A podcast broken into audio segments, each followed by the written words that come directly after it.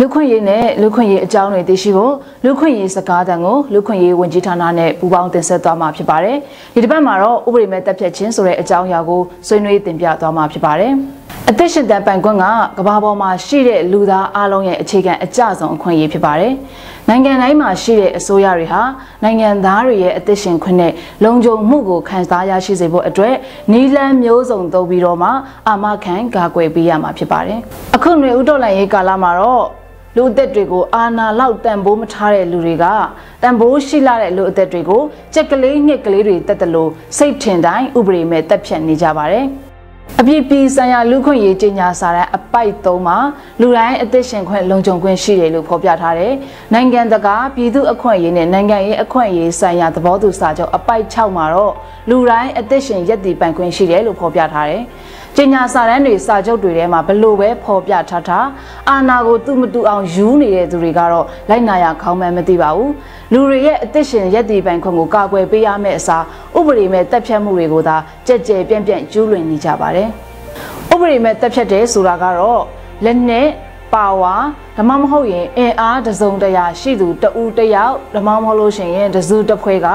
ခိုင်လုံတဲ့တက်တဲ့အထောက်အထားမရှိဘဲနဲ့အပြစ်မဲ့အယက်သားပြည်သူတွေကိုဥပဒေမဲ့စိတ်ထင်တိုင်းတက်ဖြတ်တာကိုဆိုလိုတာဖြစ်ပါတယ် လက်ရှိဒီဒေါ်လာရေးကာလမှာကြုံတွေ့နေရတဲ့ဥပဒေမဲ့တက်ဖြတ်တဲ့ပုံစံတွေကတော့အယက်သားပြည်သူတွေကိုရရဆက်ဆက်တနက်နဲ့ပြတ်တက်တာညှဉ်းပန်းနှိပ်စက်ပြီးတော့ပြတ်တက်တာအရှင်လက်လက်မီရှိုးတက်ဖြတ်တာ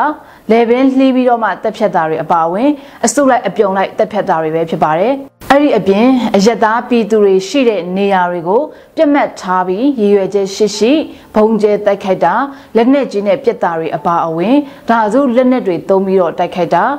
ဥပဒေပြဋ္ဌာန်းချက်တဲ့ကြော်လွယ်ပြီးတော့တည်တံစီရင်ချက်ချတဲ့ပုံစံတွေပဲဖြစ်ပါတယ်။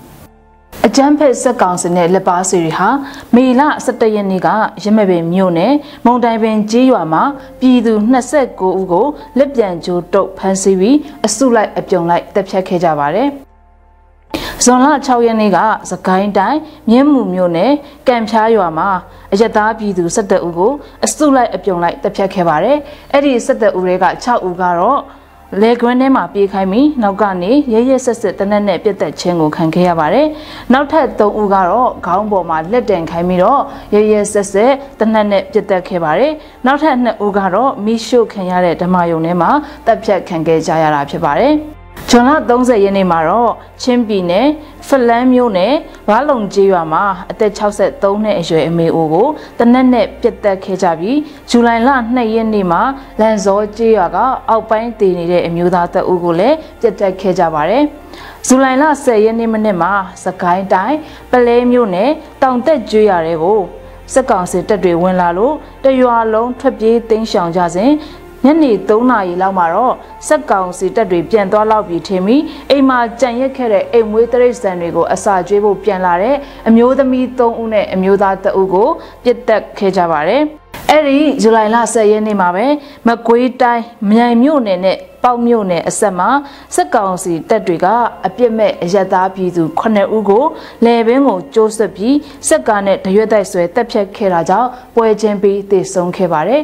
ဒီတရင်တွေကိုကြည့်လိုက်မယ်ဆိုလို့ရှိရင်အကြမ်းဖက်စက်ကောင်စီဟာနေ့စဉ်နဲ့အမျှဥပဒေမဲ့တပ်ဖြတ်မှုတွေကိုကျူးလွန်နေတယ်ဆိုတာကိုတွေ့မြင်နိုင်မှာဖြစ်ပါတယ်။ အခုလိုပြည်သူလူထုတွေအပေါ်ရရဆက်ဆက်ဥပဒေမဲ့တက်ဖြတ်နေကြတဲ့စက်ကောင်စင်နဲ့အပေါင်းပါတွေကိုအရေးယူနိုင်ဖို့နဲ့နောက်တစ်ချိန်မှာတရားမျှတမှုကိုဖော်ဆောင်နိုင်ဖို့အတွက်လူခွင့်ရေးချိုးဖောက်မှုမှတ်တမ်းတွေကိုစနစ်တကျကောက်ယူထားကြဖို့လိုပါတယ်။လက်တလောအချိန်တွေမှာတော့အကြမ်းဖက်စက်ကောင်စီအပေါ်နိုင်ငံတကာဖိအားတွေတိုးလာဖို့နဲ့အရေးယူနိုင်ဖို့အတွက်နိုင်ငံတကာရန်တရားတွေမှာတိုင်ကြားဖို့အတွက်ကြိုးပမ်းနေကြပါတယ်။ ကိုပတ်ဝန်းကျင်မှာကြုံတွေ့နေရတဲ့လူခွင့်ရေးချိုးဖောက်မှုတွေကိုမှတ်တမ်းကောက်ယူထားပြီးလူခွင့်ရေးဝင်ကြီးဌာနအပါအဝင်လူခွင့်ရေးမှတ်တမ်းကောက်ယူနေတဲ့အဖွဲ့အစည်းတွေကိုပေးပို့ပြီးတော်လန်ရေးမှာနိုင်တဲ့ဘက်ကပါဝင်ကြဖို့နှိုးဆော်တိုက်တွန်းလိုက်ပါတယ်ရှင်။